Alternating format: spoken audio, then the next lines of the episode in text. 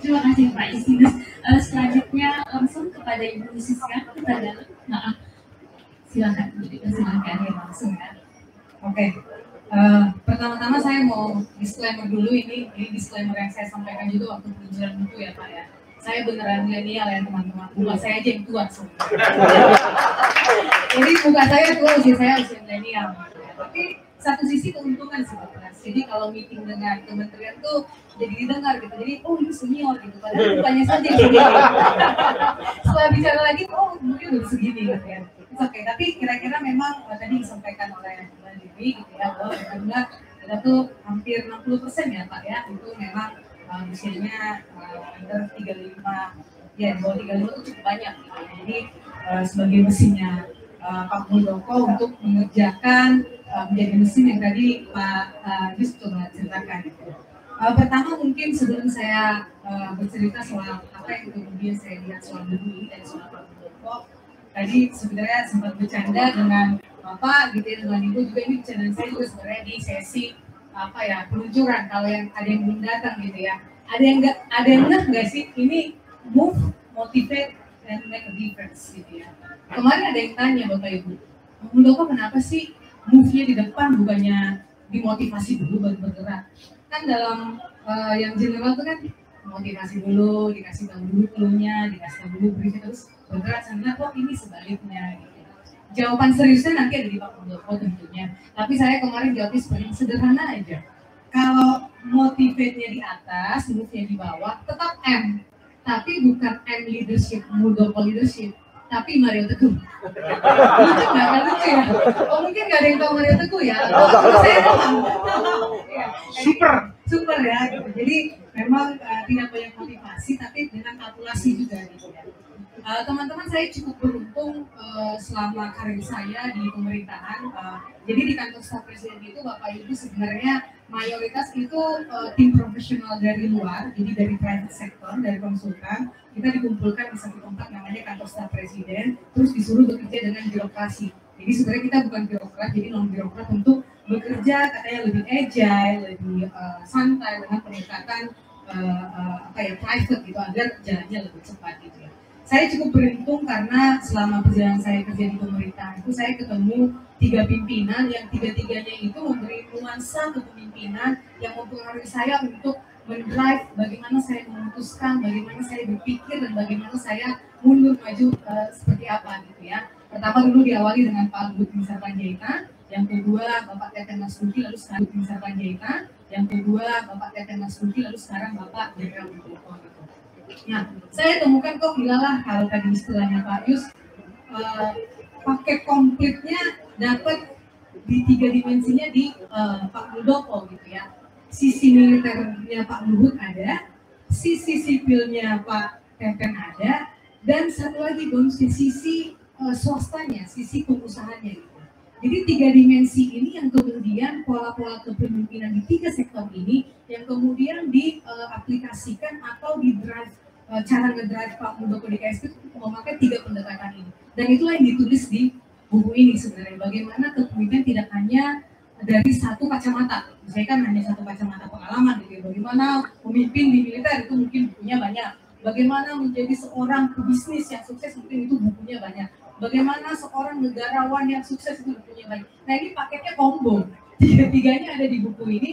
Dan ialah kok menurut saya dari beberapa literasi dan buku yang saya baca ini saya selalu bilang ke Pak ini ringan ya Pak. Ringan dalam konteks bukan karena ini ringan ya Pak. Ringan dalam konteks bukan karena nggak ada substansi tapi apa ya? Hanyut ya Mbak Riri tadi Mbak Riri bilang hanyut gitu. Kok bisa hanyut gitu? Padahal sebenarnya berat gitu ya Nah dari tiga hal itu, uh, tiga itu yang dicoba uh, saya lihat di KSP itu selama ini berapa tahun gitu mendampingi Pak Muldoko. Satu uh, sebagai pengusaha, beliau ini tuh apa ya detail gitu. Kalau pengusaha itu kan data driven gitu ya, detail banget dengan angka gitu ya. Dan itu saya temukan gitu, ketika report segala sesuatu gitu ya, bisa substansi saya sudah deliver dengan baik, ini opsi-opsi kebijakannya, keputusannya, ada hal yang nggak bisa saya lihat dilihat oleh Bang Muldoko nih Pak.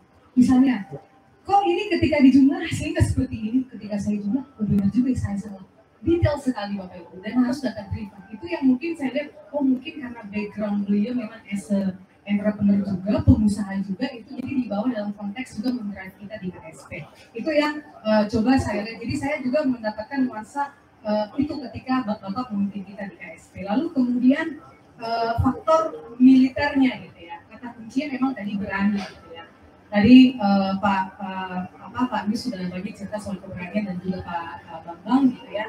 Saya sih melihatnya uh, seperti berani ini tadi uh, Pak Yus sudah bilang tadi waktu datang ke sini tuh kita telat Bapak Ibu. Jadi kenapa telat saya mendampingi Pak Muldoko tuh satu rapat dengan teman-teman BPJS Kesehatan dan Kementerian Kesehatan. Kita punya kesulitan Bapak Ibu sekarang kan Bapak Presiden sedang mendorong bagaimana kita melakukan atau atau meningkatkan pemakaian produk dalam negeri.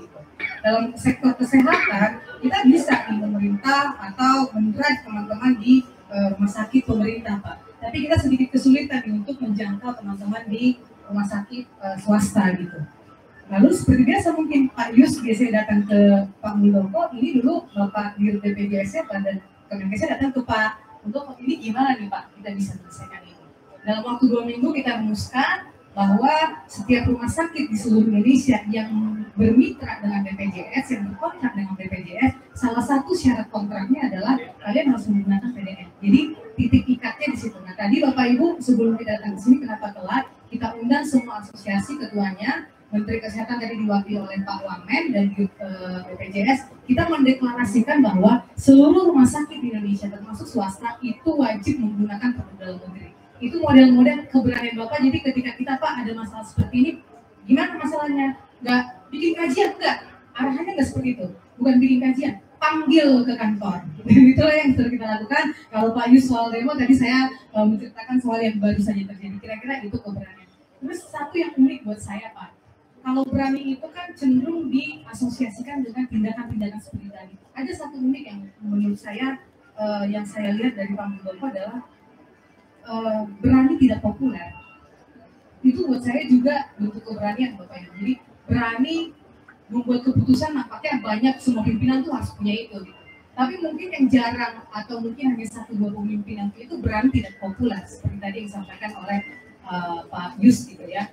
Berani tidak populer misalnya uh, membuat keputusan-keputusan yang mungkin resiko di publiknya tuh berkonsekuensi ke uh, citranya beliau, ke nama baiknya beliau dan lain hal, tapi itu dilakukan. Jadi buat saya itu, oh iya, definisi berani buat saya salah satunya berani tidak populer dan berani membuat keputusan yang tidak populer seperti tadi salah satu contohnya yang sebenarnya dan satu lagi berani mendengar. Jadi sebenarnya berani menemui pendemo itu kan konsekuensi dari mau mendengar. Jadi saking beraninya berani mendengar Bapak Ibu, kita tuh di KSP ada namanya KSP mendengar. Jadi siapa pun dari kalangan mana pun bebas menyampaikan pendapatnya, aduannya ke kantor staf ke istana melalui kantor staf. Sampai tahun ini Bapak Ibu per Agustus saya lihat dari datanya Prof. Eva itu ada 1.504 aduan masyarakat yang masuk ke istana dan dikelola oleh Pak Tepuk tangan dulu loh Bapak Ibu. Gak mudah loh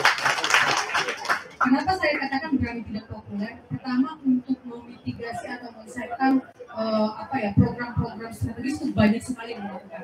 Tapi yang mengerjakan eh, masalah-masalah uh, yang tidak populer, grassroots, masalah konflik masyarakat, masalah kemiskinan, masalah air mata itu nampaknya tidak banyak ya. Dan sekarang Pak Muldoko mengolah 1.504 aduan terkait aduan air mata di kantor presiden. Kira-kira itu bentuk keberanian yang saya lihat dari beliau.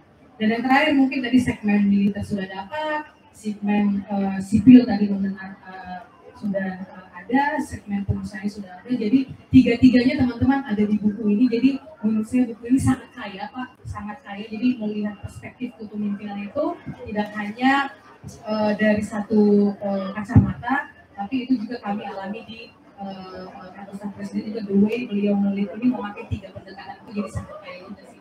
So itu mungkin jadi wajib dibaca teman-teman ringan jadi kalau yang akademis ada di sini akademisi gitu ya, istilahnya Pak, metodologinya ada, teorinya ada, basis praktiknya ada, yang menuliskan yang langsung berpengalaman artinya representatif ya, tidak hanya sampling gitu ya. Jadi komplit sekali buku ini sangat kaya. Mudah-mudahan semakin banyak juga buku seperti ini yang kita dapatkan di pasaran. Sehingga seperti kata Pak Anies tadi, kita juga yang mudah-mudahan belajar dari yang sudah berpengalaman karena ini sekarang usia Bapak 65 tahun ini isinya adalah pembelajaran selama 65 tahun tentunya sangat kaya. Mungkin itu dari saya. Terima kasih. Assalamualaikum warahmatullahi wabarakatuh. Terima kasih. Jadi